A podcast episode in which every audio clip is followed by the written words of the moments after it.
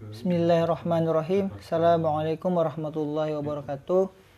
Allahumma sholli ala sayyidina Muhammad wa ala ali sayyidina Muhammad. Perkenalkan nama saya Andi Muhammad Ikram. Saya merupakan salah satu mahasiswa Sekolah Tinggi Ekonomi Islam SEBI Depok. Kali ini saya akan membahas mengenai analisa fikih produk arisan daring. Pertama, praktik lapangan.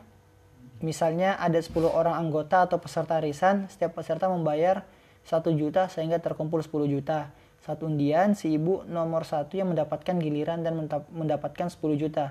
Sederhananya, si ibu eh, nomor satu adalah peminjam, sedangkan 9 orang anggota arisan yang lain adalah yang meminjamkan 9 juta.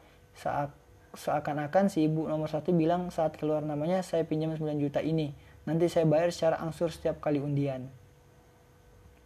Parameter kesesuaian syariah, arisan sebagai ta'awun dan adab pinjam meminjam jika arisannya bukan uang tetapi paket perjalanan umroh, maka harus ada kejelasan tentang harga saat terjadi perubahan harga dan dan ada selisih dan seterusnya. Begitu pula jika tuan rumah harus menyediakan makanan dan sejenisnya untuk menghormati tamu, itu diperkenakan dan bukan termasuk riba tetapi bagian dari menghormati tamu sebagaimana dipahami oleh ke kelaziman dan tradisi masyarakat selama tidak dipersyaratkan. Adab dan etika bisnisnya memiliki kemampuan untuk membayar iuran arisan, membayar utang, serta melakukan arisan untuk hajat primer atau sekunder. Maksudnya saling membantu memenuhi kebutuhan primer dan sekunder para anggota arisan, seperti kebutuhan SPP, pendidikan anak-anak, premi asuransi syariah, dan kebutuhan lainnya yang halal dan prioritas.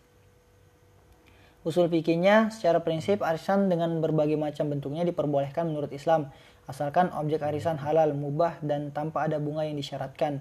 Oleh karena itu, dapat disimpulkan bahwa transaksi yang terjadi dalam arisan adalah simpan pinjam atau kredit antara pihak yang mendapatkan bagian dan sisa anggota lain sebagai kreditur.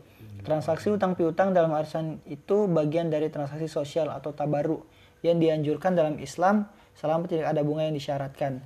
Jika dalam tradisi arisan pihak tuan rumah harus menyediakan makanan atau sejenisnya dan jika hidangan tersebut tidak disyaratkan serta menjadi bagian dari upaya tuan rumah untuk menghormati tamu, sesungguhnya jamuan yang diberikan tuan rumah atau calon debitur tersebut bukan termasuk riba, melainkan bagian dari penghormatan terhadap tamu. Hal ini layaknya menghormati tamu lain selain anggota arisan dan dalam momentum lain. Selain momentum arisan, menghormati seperti ini dianjurkan dalam Islam. Kaidah fikih dari Abu Hurairah radhiyallahu anhu ia berkata, Rasulullah shallallahu alaihi wasallam bersabda, siapa saja yang meminjamkan harta orang lain dengan niat ingin ditunaikan dibayar, niscaya Allah akan menolongnya untuk dapat menunaikannya. Sebaliknya, siapa saja mengambil harta orang lain untuk memusnahkan atau dirusak, maka Allah akan memusnahkannya. Hadis riwayat Bukhari dan Ibnu Majah. Dalam Quran surah Al-Maidah, surah kelima ayat kedua yang artinya dan tolong menolonglah kamu dalam mengajak mengerjakan kebajikan dan takwa. Dan tolong menolonglah kamu dalam mengerjakan kebajikan dan takwa. Dan jangan tolong menolong dalam berbuat dosa dan pelanggaran. Dan bertakwalah kamu kepada Allah, sesungguhnya Allah amat berat siksanya. Kaidah umum dalam bermuamalat, pada dasarnya segala sesuatu termasuk muamalat boleh dilakukan kecuali ada dalil yang mengharamkannya. Selanjutnya ada maqasid syariah. Arisan memiliki beragam tujuan, di antaranya adalah untuk menjalin silaturahmi, kekerapan, dan kebersamaan. Nominal uang yang dikumpulkan sebagai iuran tak selalu menjadi tujuan utama. Artinya, meski sedikit tak jadi masalah asal bisa terjalin silaturahmi di antara para anggota kelompok. Tak hanya memiliki manfaat sosial, arisan juga bermanfaat secara finansial. Bagi anggota yang keluar sebagai pemenang akan mendapatkan pinjaman tanpa bunga, mengingat sistemnya kocokan atau undian.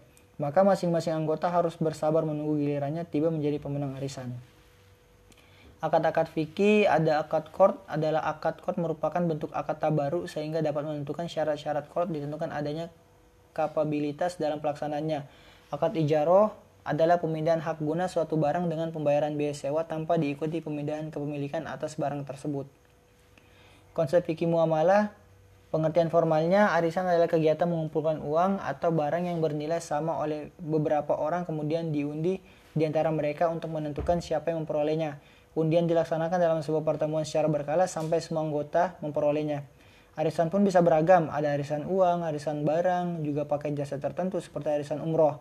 Dalam arisan umroh misalnya walaupun peruntukannya bukan uang, tetapi kontribusi dan yang diterima oleh peserta adalah uang.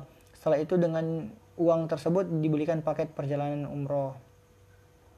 Ada fatwa DSN MUI yaitu fatwa DSN MUI nomor 19 garing DSN strip MUI garing 4 garing 2001.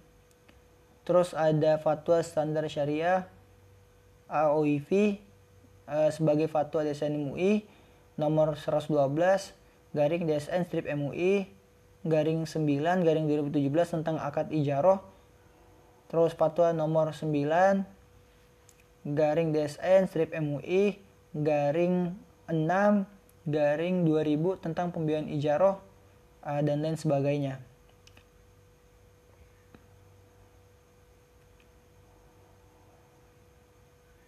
Terus ada standar syariah internasional AOIV nomor 9 tentang ijaroh dan ijaroh Muntahiyah Bitamlik dan Standar Syariah Internasional AOIV nomor 19 tentang court. Terus ada undang-undang dan regulasi terkait uh, undang-undang pasal 1338 KUHP yaitu semua persetujuan mengikat kepada para pihak sebagaimana undang-undang persetujuan itu tidak dapat diru tidak dapat rubah kecuali dengan kesepakatan kedua belah pihak atau berdasarkan undang-undang dan persetujuan harus dilakukan berdasarkan asas ikhtikat baik. Berdasarkan asas ikhtikat baik. Terus ada jurnal nasional, teman-teman bisa cari di website dan di jurnal-jurnal lain. Terus ada berita dan informasi, nah, teman-teman bisa uh, akses di news.detik.com Eh, dan di website yang lain. Terus terakhir ada manajemen resiko. Kendala secara khusus ini dialami langsung oleh para pihak baik owner atau arisan maupun peserta arisan dalam menjalankan arisan online-nya. Kendala-kendala yang biasa timbul dalam transaksi di internet antara lain pembayaran terhambat akibat alasan-alasan tertentu yang dilakukan oleh peserta terhadap iuran arisan di sisi lain, owner mengalami kerugian untuk menutupi iuran peserta yang belum melakukan pembayaran. Hal ini tidak sesuai dengan pasal 5 ayat 1 Undang-Undang Informasi dan teknologi elektronik. Kendala lain karena unsur ketiadaan jarak, ruang, dan waktu dari para pihak dalam proses transaksi. Kendala secara umum, mindset atau pola pikir yang masih tertanam pada owner atau pelaku arisan dan peserta arisan bahwa arisan online terjamin karena adanya unsur percaya satu sama lain, terutama untuk menyelesaikan permasalahan pembayaran. Terutama untuk menyelesaikan permasalahan pembayaran. Kenyataannya hingga saat ini sebagian besar peserta dan owner atau pelaku arisan melakukan internet sebagai alat komunikasi. Jadi rata-rata penggunaan saat ini menjadikan internet dimanfaatkan untuk melakukan bisnis dan transaksi. Mungkin cukup sekian dari penjelasan saya. Kurang lebihnya mohon dimaafkan. Assalamualaikum warahmatullahi wabarakatuh.